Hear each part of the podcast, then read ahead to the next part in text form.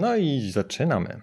Dziś moim gościem jest Maciej Szewczyk. Odkąd go znam, to interesował się siatkówką i mam taki mały problem z przedstawieniem go, bo dość dużo rzeczy robi, więc ogólnie pogadamy o siatce i o tym, co, czym obecnie się zajmuje i co mi wysłał, co robi. Między innymi obecnie pracuje w DPD Legionowia Legion, Legionowo jako menadżer. Przykładowo jeszcze jest speakerem.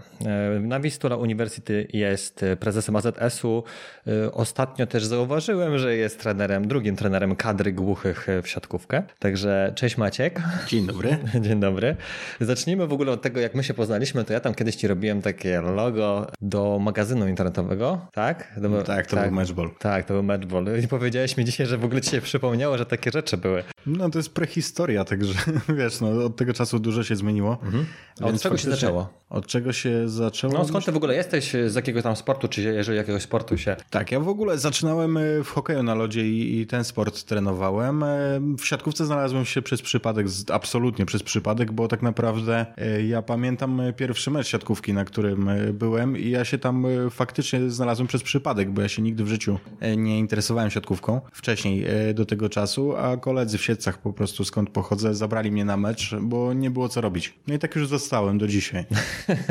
Ale to byłeś na meczu kobiet czy mężczyzn? Nie, to był me mecz mężczyzn drugiej ligi. Mhm. Ósemka Siedlce grała wtedy z Pronarem Hajnówką. Nieźle. Przegrała 0 do 3.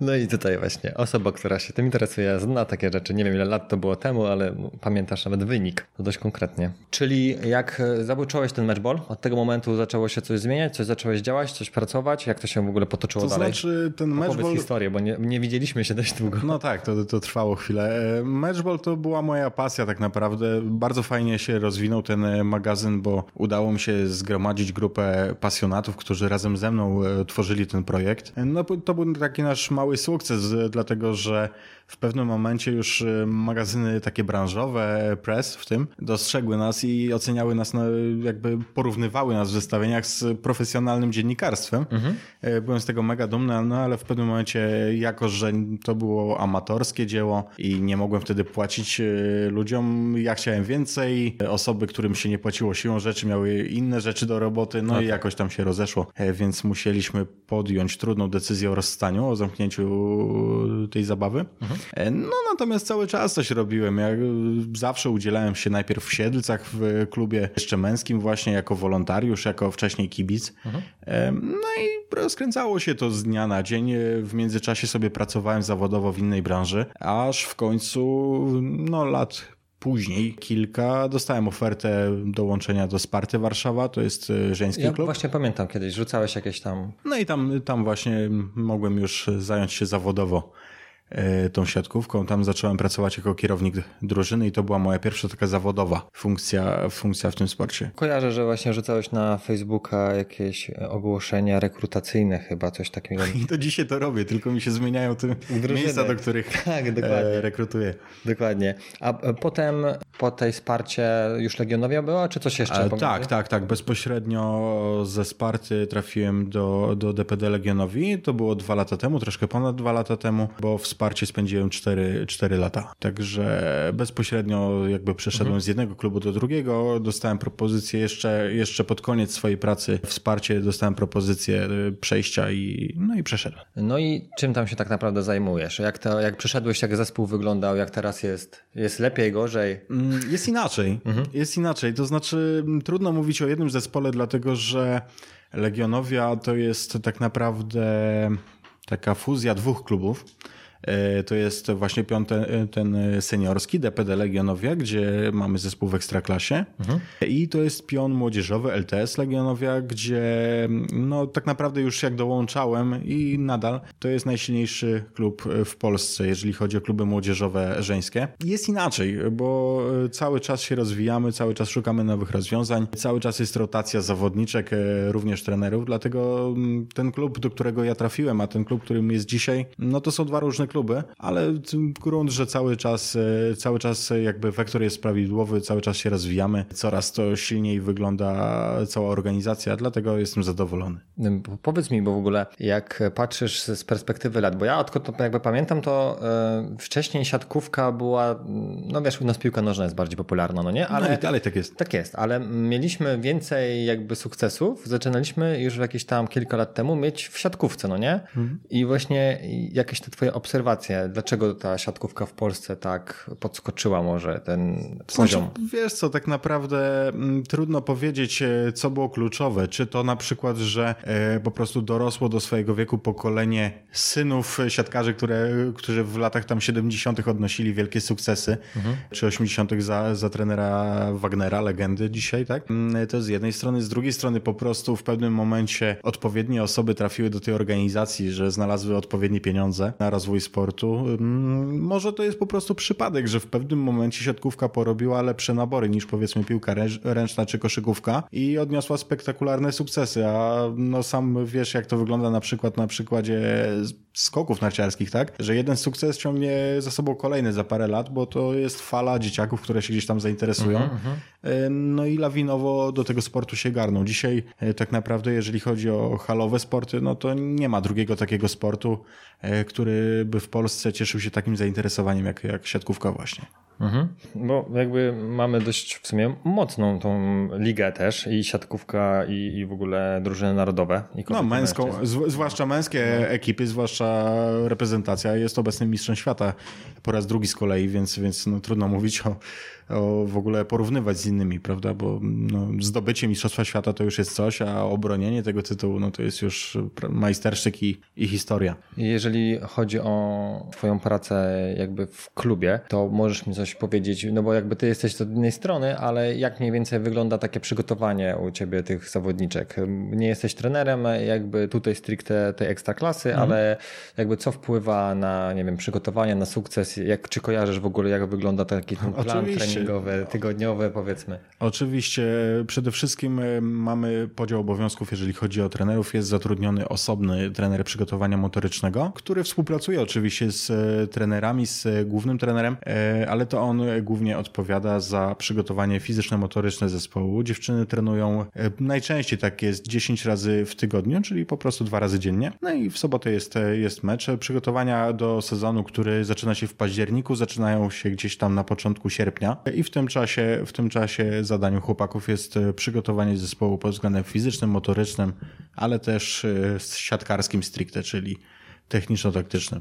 Mhm. A jeżeli chodzi o samo jakby elementy tego przygotowania, co tam się liczy, to mm, bardzo dużo e, z tego, co obserwuje nasz trener przygotowania motorycznego Artur, e, dużo czerpie z crossfitu, ponieważ jest e, trenerem crossfitowym, jednym z pierwszych w Polsce, którzy się pojawili w ogóle w tej dyscyplinie. Także jest i żelastwo, jest i są i elementy typowo crossfitowe. Oczywiście dostosowane, już tutaj nie, nie chcę się nawet wypowiadać w jaki sposób, żeby, żeby nie kaleczyć mhm, fachowego ucha ale przy, przystosowane do naszej dyscypliny. Ale macie jakieś takie, jak powiedziałeś, żelastwo zaplecze. Czy tak, trenujecie tak. gdzieś indziej, czy to u was w klubie? Nie, przeszliśmy, przeszliśmy e, w klubie z korzystania z siłowni, bo tak było w przeszłości. Dzisiaj już jesteśmy na tyle zaopatrzeni, że wyciągamy swoje po prostu żelastwo na hali i, mhm. i tam trenujemy. E, mamy sztangi, mamy ketle, mamy wszystko, czego, czego trenerzy potrzebują. No to, no to dobrze, no nie, bo tam zazwyczaj mm, na początkach to były właśnie jakieś siłownie albo był umijany ten klub. Tam kiedyś miałem jeszcze z innej branży jakby rozmowę. Trener przygotowania motorycznego, jak mówi, y, że teraz chce coś zrobić, to trener ten główny dyscypliny nie pamiętam, czy to była koszykówka, to mówi, dobra, masz 15 minut. A, tak, tak, to jest e, częste podejście. Niestety, dlatego, że później dziwi mi się, dlaczego zespół jest źle przygotowany. No i oczywiście to jest wina trenera motorycznego, a nie patrzymy na to,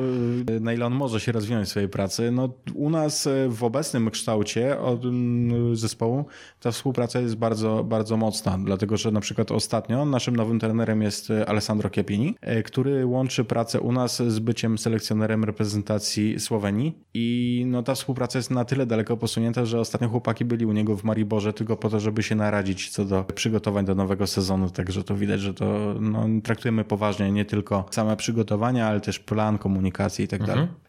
Macie oddzielną jednostkę treningową na przygotowanie motoryczne, nie trenujecie tylko siatki, tak? Nie zupełnie. Nie? To nie, nie jest tak, że jest e, zupełnie rozgraniczone. To jest połączone mhm. i w tych porannych treningach zawsze jest właśnie jakby ten nacisk położony na motorykę, mhm. ale nie tylko. Tam też pojawia się siatkówka i pojawia się ona w sposób uzgodniony właśnie z trenerem zarówno tym siatkarskim, jak i trenerem przygotowania motorycznego po to, żeby to było dobre, żeby nie zrobić e, nagle czegoś takiego, že dziewczyna będzie powiedzmy już tą siatkówką zajechana, nie da rady się ruszać, a w tym momencie dostają do rąk na 15 minut, jak mówisz, e, trenery przygotowania motorycznego i on ma z nią coś zrobić, prawda? On, mhm. Ona ma, nie wiem, dźwigać jeszcze.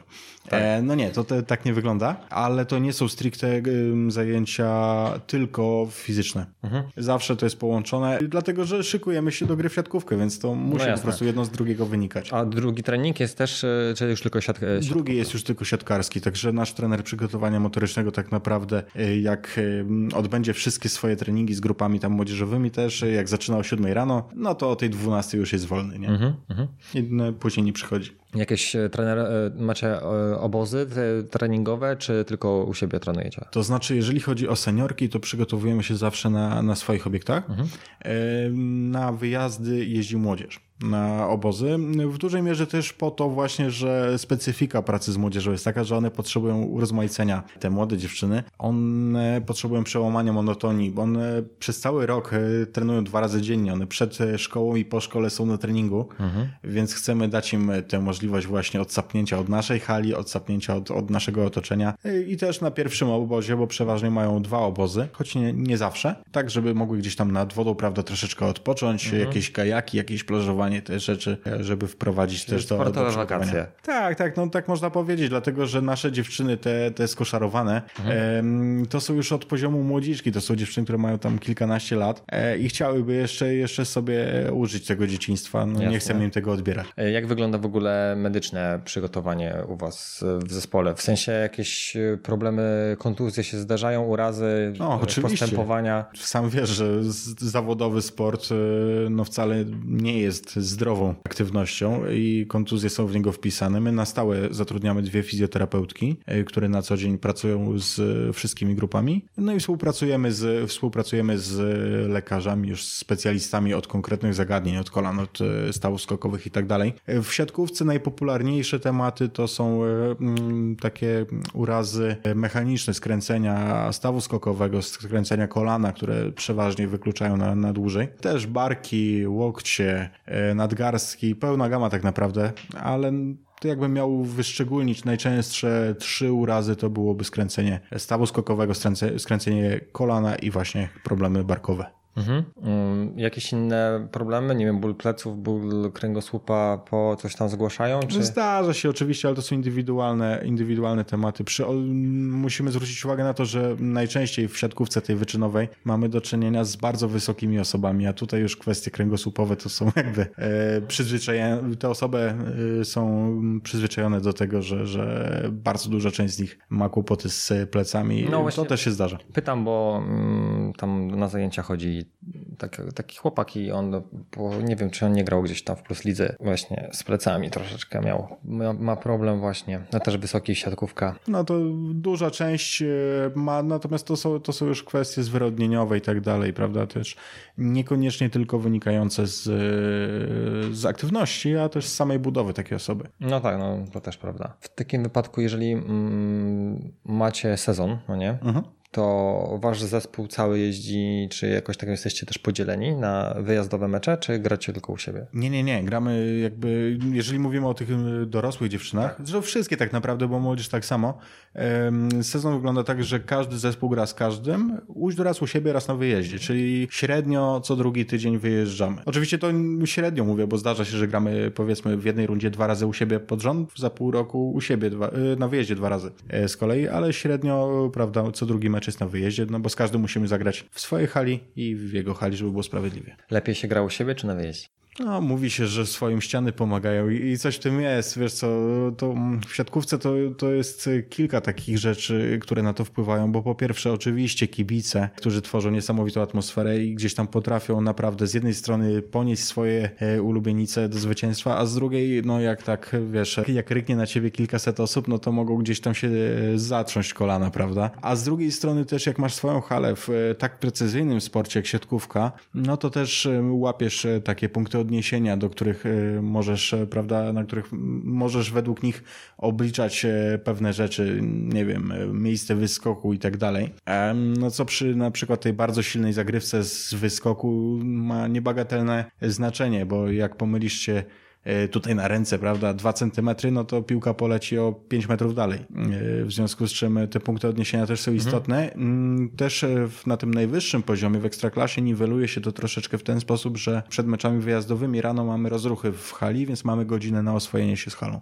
Czyli to jest taka nauka automatyzmów, nie? Takiej reakcji. Zgadza się, zgadza się, ale tak jak mówię, też, też różnie się gra dziewczynom na, na różnych obiektach. Mhm. Są też na przykład siatkarki, które stricte lubią albo albo nie lubią grać na dużych halach, e, co ciekawe i to się widzi, że, że wyraźnie lepiej im idzie w małych obiektach, no to jest już, prawda, kwestia jakichś tam indywidualnych predyspozycji i przyzwyczajeń. Dobra, a teraz powiedz mi, jak to się stało, że speakerem jeszcze zostałeś? Wiesz co, Znowu przypadek.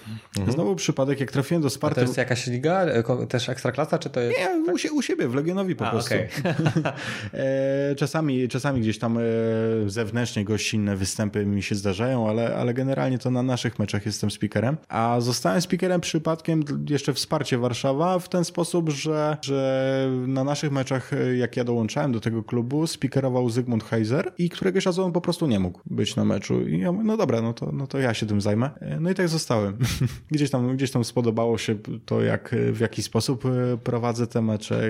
Mnie też spodobała się ta funkcja, więc, mhm. więc czemu nie? No tak, Zygmunta Heizera zastąpiłeś. Wpiszę sobie w CV. No, jak będziesz potrzebował w ogóle. Ale często ci się zdarza to? Speakerka? Mhm. Praktycznie wszystkie mecze, które rozgrywamy na własnym parkiecie, we własnej hali, to praktycznie zawsze ja speakeruję. Dobrze, że sędzią jeszcze nie zostałeś. No nie, nie, nie. Wiesz, e, sędzią bym nawet nie chciał zostać. Jest takie powiedzenie, oczywiście bardzo krzywdzące, bo mam bardzo wielu przyjaciół sędziów, ale słyszałeś kiedyś w sporcie, kto to jest sędzia? No to jest ten, który jest za słaby na zawodnika, a za głupi na trenera. Okay. to jest bardzo, bardzo krzywdzące i absolutnie, absolutnie e, ja to mówię w żartach. Natomiast ja bym się na sędziego zwyczajnie nie nadawał. Kilka razy mi się zdarzało sędziować gdzieś tam mecze towarzyskie i nie, okropna funkcja. E, czy w tym młodzieżowym odłamie waszego klubu, Legionowie, to jesteś wiceprezesem? Tak, Czy tak, tak. Zostałem... Napisałeś wiceprezesem i tak właśnie... Tak, zostałem no nie tak dawno temu właśnie wybrany do zarządu i, i tam działamy sobie.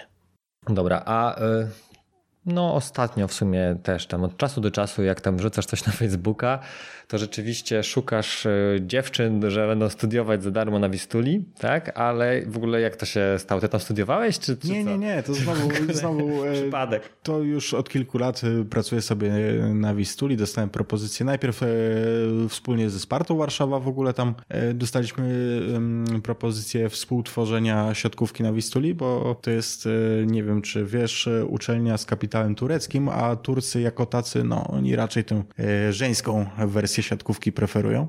No i się zgłosili, że chcieliby mieć zespół siatkarek na, na uczelni nie bardzo wiedzieli, jak się do tego zabrać. Zaprosili nas do, do współpracy, ja już tak zostałem do dzisiaj. Także tak to faktycznie wygląda, że, że co roku y, zapraszam do współpracy y, zawodniczki gdzieś tutaj z Warszawy, z okolic, które trenują sobie w klubach, a równocześnie chcą studiować i połączyć, połączyć występy w klubie z występami w rozgrywkach akademickich. No i też dobrze się bawić, bo to jest taka, taka lżejsza forma siatkówki. Mhm.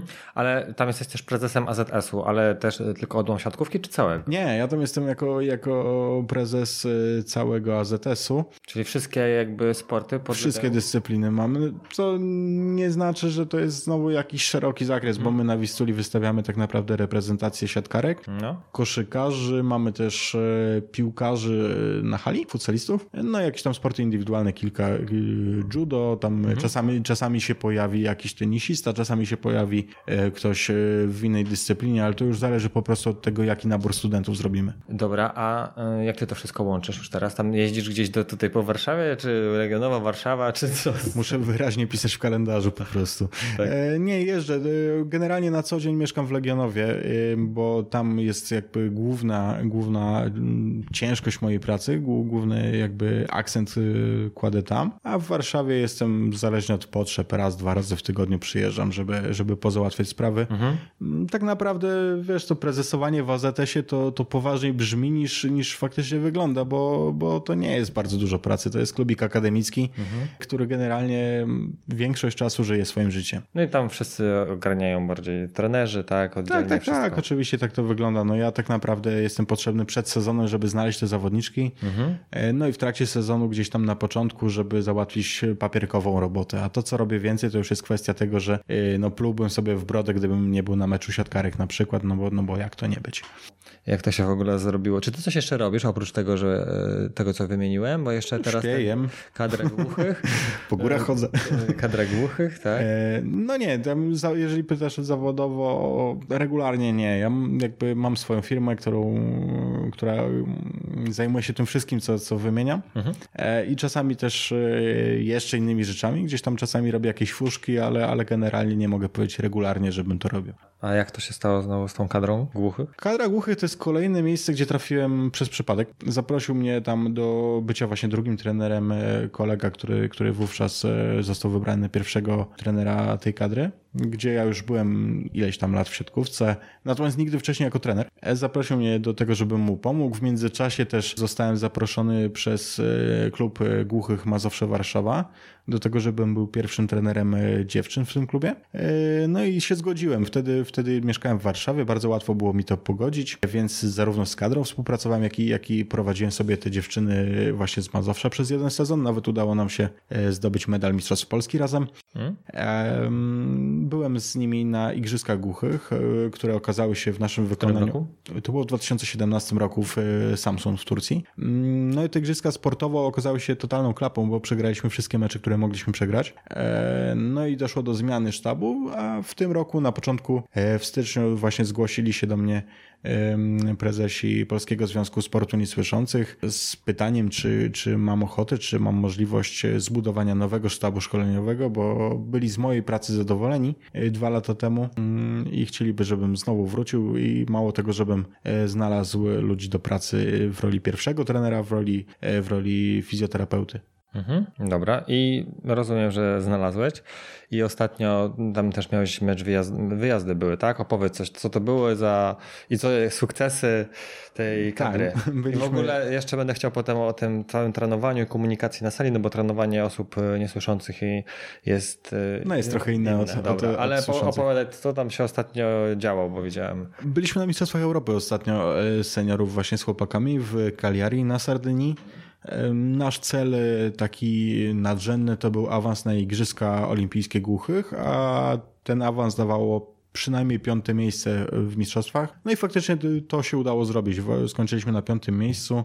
Uważam, że to jest absolutnie najwyższe miejsce, jakie mogliśmy zrobić, bo mm, pierwsza czwórka była absolutnie poza zasięgiem. E, no i równocześnie jest to najlepszy wynik w historii reprezentacji polskiej niesłyszących, więc, więc tak naprawdę jesteśmy podwójnie szczęśliwi. E, raz, że mamy ten awans, a dwa, że, że no, mm, ten nasz pomysł wypalił i widać, że, że jest postęp. Dobra, a jak to w ogóle wygląda e, taka rekrutacja, te treningi i trenowanie osób niesłyszących? Wiesz co, to jest bardzo szerokie pytanie, dlatego że to jest tak naprawdę amatorski sport. Mhm. Y, dlatego mówię, że pierwsza czwórka jest poza naszym zasięgiem, bo na przykład y, Ukraina, która jest teraz mistrzem Europy, po prostu ma zawodowców w tym zespole. Chłopaki są skoszarowani na stałe w Kijowie, oni na co dzień razem trenują. Tymczasem u nas to wygląda troszkę inaczej, dlatego że pierwszy trener Wojtek Lalek poznał chłopaków dwa miesiące przed Mistrzostwami Europy, tak naprawdę pierwszy raz ich zobaczył. A na co dzień oni trenują w klubie klubach y, głuchych, ale to też jest dosyć nieregularne. To jest mm, powiedzmy jeden trening w tygodniu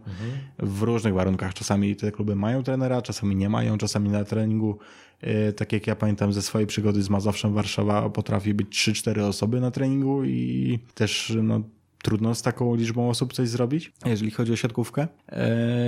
Także bardzo nieregularnie to jest y, każda osoba indywidualnie traktowana, jeżeli chodzi o kadrę, bo tak naprawdę no jest jeden z chłopaków, który grał gdzieś tam w drugiej lidze w Legii Warszawa, a obok niego występują chłopa w reprezentacji, już mówię, mhm. chłopcy, którzy grali albo tylko w zespołach amatorskich, albo wcale nigdzie nie grali, tylko w, w siatkówce głuchych, a rozgrywki głuchych w Polsce wyglądają tak, że to jest jeden dwudniowy turniej e, rocznie, to jest e, turniej o Mistrzostwo Polski i drugi, pół, mniej więcej tam na prawda, drugim biegunie, pół roku później, to jest Puchar Polski i to są całe ich rozgrywki w ciągu roku. Mhm. Także trudno oczekiwać od nich, żeby, żeby rywalizowali później z zawodowcami. Okej, okay, czyli te pierwsze drużyny są po prostu przygotowane o wiele lepiej, lepsze zaplecze.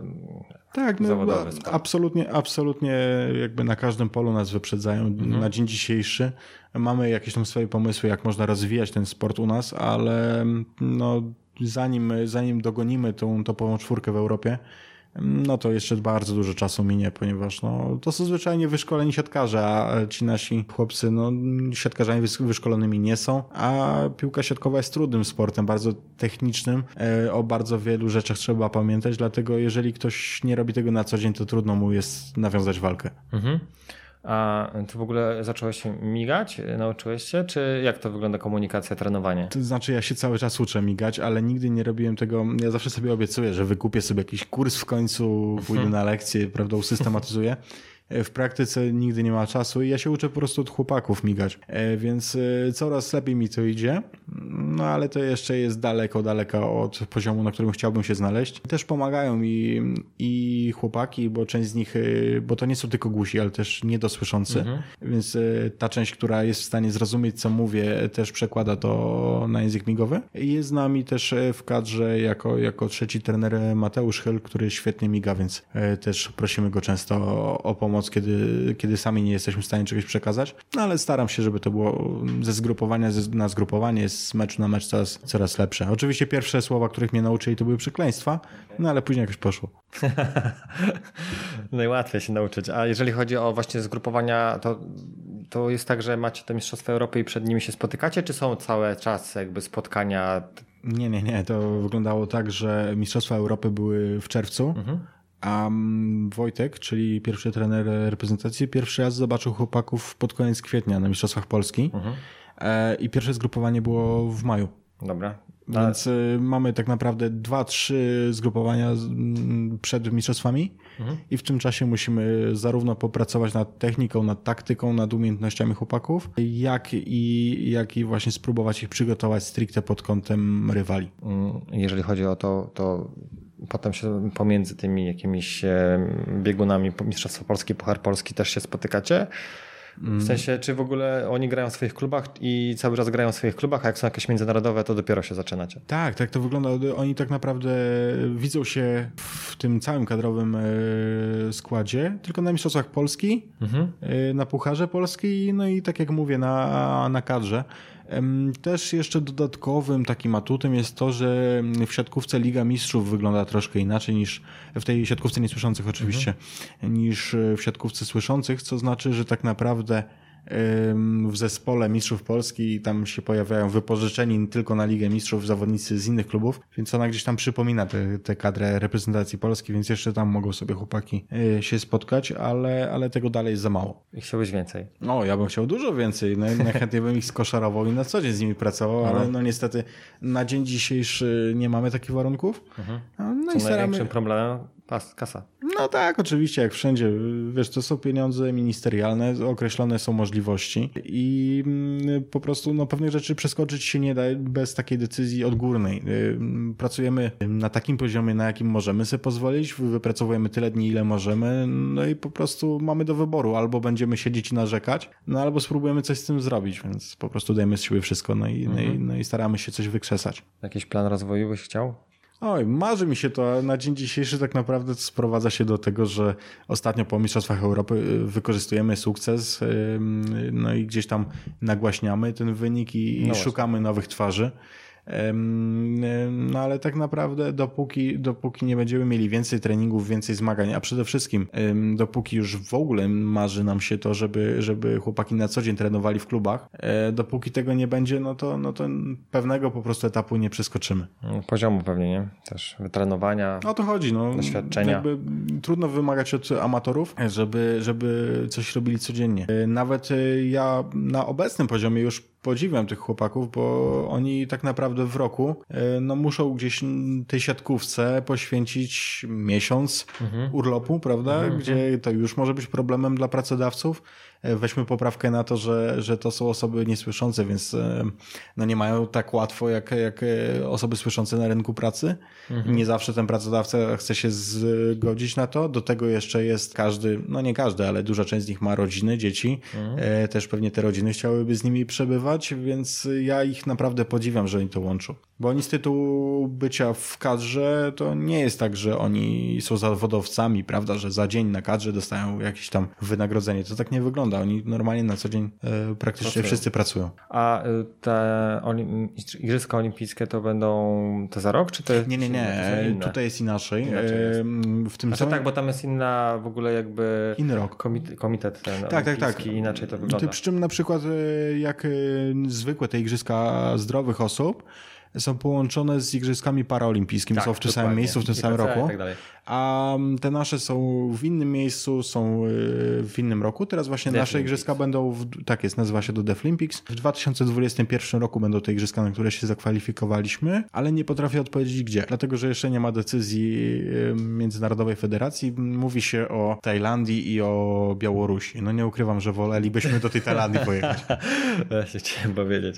A propos, y, a propos Tajlandii, wyjazdów, bo ty tam jeszcze oprócz siatkówki robisz kilka innych rzeczy ale powiedz mi, robisz kilka innych rzeczy dlatego, że siatkówki masz już dość, czy siatkówka jest nadal dla ciebie czymś ważnym? Czym jest w ogóle dla ciebie siatkówka? Wiesz co, siatkówka jest dla mnie bardzo ważna. To jest taka branża, gdzie trudno jest e, wytrzymać osobie zawodowo e, niepasjonującej się tym sportem, dlatego że siłą rzeczy ta praca wymaga poświęceń. Mhm. E, tutaj poświęcamy bardzo dużo z czasu takiego prywatnego, z życia prywatnego. To też wymaga ogromu cierpliwości dla, dla bliskich, prawda, bo nas ciągle nie ma. W weekendy non-stop się wyjeżdża gdzieś na mecze. W lecie też jest bardzo, bardzo krótki wycinek, gdzie możemy sobie pozwolić na, na urlop. Także mm, no, ta siatkówka moim zdaniem jeżeli ktoś znajduje się w niej zawodowo, a nie jest pasjonatem, to musi być bardzo nieszczęśliwa osoba. Mhm. Bo tak naprawdę no, w każdej korporacji masz jasne zasady. Jesteś w pracy od tej godziny do tej godziny, w weekend masz wolne, tak? No a tak. urlopu masz 26 dni, czy ile tam się ma. Nie wiem, bo nigdy nie byłem. A natomiast u nas no, zdarza się tak, że oczywiście zdarza się tak jak teraz po sezonie, gdzie jest troszeczkę luźniej, masz, masz sporo spokoju, wracasz do pracy jak cywilizowany człowiek. No ale w sezonie z kolei często jest tak, że praktycznie wychodzisz z pracy późno w nocy, a jesteś tam skoro świt, bo, bo po prostu coś trzeba załatwić. Liczba osób się nie powiększy, jest nas określona tam e, liczba osób, a też doby nie rozciągniemy, a coś trzeba zrobić na, mhm. na dany moment, tak? Przygotować, nie wiem, mecz, e, który jest imprezą masową, więc też rządzi się swoimi, swoimi prawami. Więc tak, trzymam się tego, że, że, że nie będąc pasjonatem, trudno jest gdzieś tam e, zostać w sporcie zawodowym. Mhm. Rozumiem. No jeszcze powiedz mi, bo o tej Tajlandii zacząłem mówić o podróżach, bo, nie, bo ty tam jeszcze inne rzeczy robisz dodatkowo, także już odejdziemy od siatkówki powoli, ale skąd pomysły na twoje pozostałe rzeczy? Możesz powiedzieć, co dokładnie robisz, bo to ja widziałem tam na, na YouTubie jeden tylko pomysł książkowy, a ty mi jeszcze tutaj prywatnie przed nagraniem powiedziałeś, że jeszcze jest podróżniczy. A bawię się, bawię się troszeczkę w te podróże. Mm, tak naprawdę zaczęło się od podróży z YouTube'em, bo, bo zacząłem od tego, że nagrałem film z podróży autostopowej na Bałkany. Mhm. Dwa lata później, e, dwa lata później już e, samotnie wybrałem się na, na, z kolei na północ, na koło podbiegunowe autostopem, co też dokumentowałem. No i spodobało mi się to klejenie filmów, robienie takich rzeczy, a to, że recenzuję książki, to znowu jest przypadek. dużo tych przypadków w moim życiu, ale, ale faktycznie tak było, że zgłosił się do mnie kolega, który, który jest operatorem na co dzień legionowskiej telewizji i, i chciał gdzieś tam się zaangażować, chciał mi pomóc, a moją kolejną pasją jest literatura. Ja bardzo lubię czytać, więc, więc od słowa do słowa mm, powstał pomysł, żeby żeby stworzyć właśnie e, taką serię, serię mm, recenzji książek. No i jakoś to nam wychodzi. E, mniej lub bardziej regularnie. Teraz ostatnio mniej bym powiedział, bo ostatnie się w lutym ukazały, mhm. więc mamy chwilę przerwy, ale cały czas zarzekamy się, że to jest tylko przerwa między sezonami, więc, okay. więc na, pewno, na pewno jeszcze coś zrobimy. A jak ty to łączysz wszystko? Kalendarz? Znowu, to jest, to jest kalendarz. Staram się, staram się bardzo mocno, żeby, żeby utrzymywać taką równowagę, e, żeby nie zaniedbywać e, absolutnie mm, życia prywatnego kosztem pracy, ale też w drugą stronę, żeby, żeby ta praca była zawsze zrobiona z maksymalną e, rzetelnością. No i gdzieś na razie, na razie się to jako taką udaje, więc, więc mm, myślę, że to kwestia organizacji po prostu, no i właśnie wyraźnego pisania w kalendarzu. No, podeślesz mi linki, to już opis odcinka, nie tylko samym sportem człowiek żyje, prawda? A jeżeli chodzi o y, teraz jakieś ogłoszenia, które jakoś obecnie prowadzicie, coś chciałeś powiedzieć? Coś Oj, mogę wymieniać Dawaj. długo. Oczywiście, y, to po kolei. Na no. uczelni szukam cały czas siatkarek na nowy sezon, tak, na Wistule, które chciałyby e, grać e, tutaj w okolicy Warszawy gdzieś, a równocześnie łączyć to ze studiami. E, no, jeżeli chodzi o zespół e, legionowski, no to tutaj, tutaj w kwestii młodzieżowej głównie mam do zaoferowania najwięcej, dlatego że e, ten zespół dorosły już mamy skompletowany, ale cały czas szukamy dziewcząt, które tam młodych, które chciałyby właśnie szkolić się w piłce siatkowej. Cały czas prowadzimy też nabory do klas sportowych w legionowskich szkołach, bo, bo ściśle współpracujemy. Mhm. Także pod tym względem jak najbardziej. No i, no i bardzo mocno ostatnio działamy w kwestii niesłyszących, dlatego że, tak jak mówiłem, reprezentacja Polski niesłyszących to jest twór e, w dużej mierze amatorski i na przykład jednego z naszych podstawowych zawodników e, dzisiaj, szóstkowego gracza e, Arka Kasprzyka, wypatrzyliśmy przypadkiem zupełnie na Mistrzostwach Polski Amatorów. Zobaczyliśmy, że chłopak gra w aparatach na uszach, no i okazało się, że, że no to jest wartościowy gość i jest w reprezentacji do dzisiaj, więc bardzo staramy się, mm, żeby jak najwięcej osób z niedosłuchem dowiedziało dowiedziało się w ogóle, że istnieje sport niesłyszących i że, że można w ten sposób e, się rozwijać. Wiesz co, teraz mi przyszło taka, takie pytanie e, poza jakby, bo mówiłeś, że dla młodzików i dla seniorek już macie zespół, ale chodzi mi o wiek. W ogóle jak wygląda wiekowo, wiesz, granie? Siatkówkę? No, do którego roku? Czy to jest jakiś tam, wiesz, od 20? Jak to się zaczyna w ogóle? Zaczyna się wcześniej tak naprawdę. Teraz nosimy się z zamiarem otwarcia grupy dla klas podstawowych w szkole podstawowej 1-3. No gdzieś tam, gdzieś tam w okolicy powiedzmy czwartej klasy to są już, już regularne treningi. Mhm. Mm, natomiast, e, natomiast e, jeżeli chodzi o jakby tą górną granicę, przeważnie jeżeli chodzi o siatkówkę żeńską, 30 kilka lat mają dziewczyny kończąc, kończąc karierę. Sporadycznie tam około 40. Mhm. Ale generalnie 35-6 lat to jest moment, gdzie dziewczyny kończą. No też w żeńskim sporcie to jest ta specyfika, prawda, że gdzieś tam myślą o zakładaniu rodziny, a to nie jest tak jak w sporcie męskim, że, że prawda, to jest tylko kwestia decyzji. Mhm. No tylko u nich, prawda, założenie rodziny, przyjście na świat dziecka to jest e, rok wyjęty z treningu. No tak, inaczej a, jest. No i nie każda jest w stanie potem wrócić. Często jest tak, że dziewczyny po prostu po urodzeniu dziecka już nie wracają do siatkówki zawodowej. Także no powiedziałbym, że tak średnio 35 lat mhm. zakładając, że, że wszystko ze zdrowiem jest w porządku. Dobra, a jaki jest, jest jakiś wiek, granica tego juniorskiego, a seniorskiego przejścia? A tak, tak, to jest e, stricte, stricte określone. Mhm. W tym roku wiek juniorski skończyły dziewczyny urodzone w 2000 roku, czyli to jest 19 lat. 18-19. E, no i po prostu dany rocznik kończy i gra już w zespołach seniorskich. Podobnie to mm, tak samo jest w młodszych kategoriach wiekowych, bo są przed juniorkami jeszcze kadetki, wcześniej młodziczki. Każda z tych kategorii jest po prostu mm, określona, jakie roczniki w danym, mhm. w danym roku mogą w niej grać. Na koniec jedno pytanko. Powiedz, co wpływa na sukces drużyny, twoim zdaniem oczywiście. Ciężka praca ciężka praca przede wszystkim, bo ja uważam, że to, że LTS Legionowia dzisiaj jest najsilniejszym młodzieżowym klubem w Polsce, wynika z tego po prostu, że wykonuje się więcej pracy na treningach niż w innych klubach. Po prostu tych treningów jest więcej. Mhm bo mało który klub młodzieżowy jest w stanie zapewnić dwa treningi dziennie dzieciakom, a, a my to robimy. Co jeszcze? Na pewno pełne zaangażowanie sztabu, nie mówię tylko o trenerach, ale też o statystykach, o e, fizjoterapeutach, o trenerach e, tych e, specjalnych, że tak powiem, czyli trenerze przygotowania motorycznego.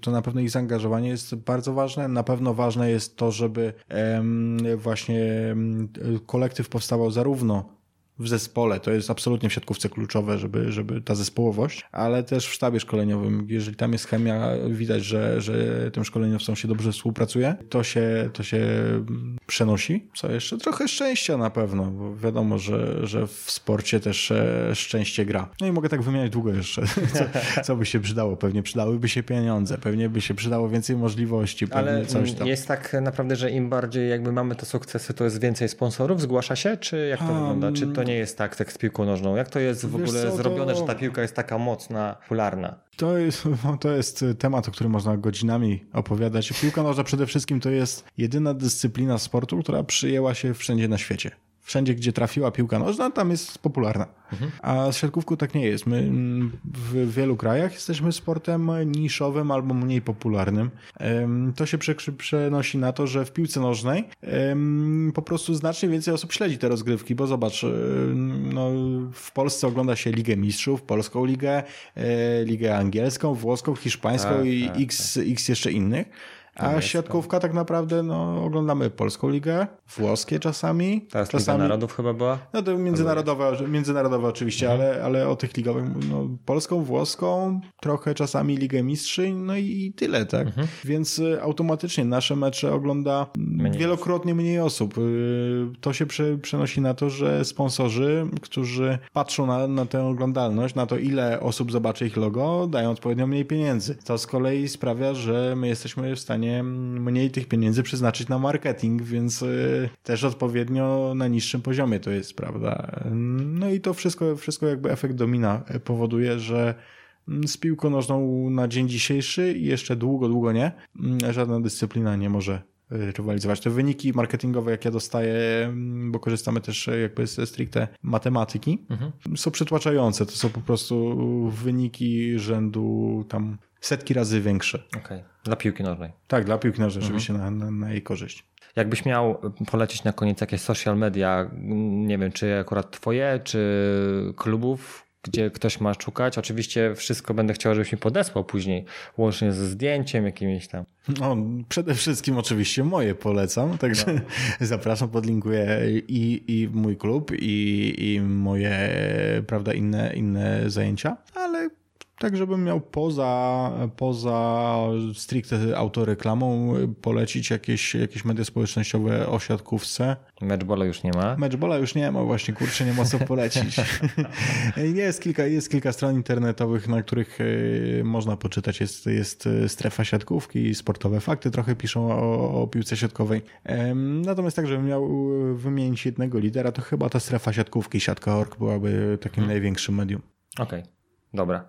Coś jeszcze na koniec chciałbyś dodać? Coś, co się nie powiedzieliśmy, a coś ci przyszło do głowy podczas rozmowy? Wiesz co, nie przypuszczam, że, że, że nie pytasz o to, czy chciałbym kogoś pozdrowić. Więc e, jak nic chcesz, mi się, możesz. Nic mi się nie nasuwa. Jak ktoś, jak ktoś powiedział, żebyś pozdrowił, to może. Rodzinę z Siedlec i Killersów. Niezmiennie. Dobra. Bardzo Ci dziękuję Maciek za rozmowę. Wielkie dzięki. Do usłyszenia. Hej.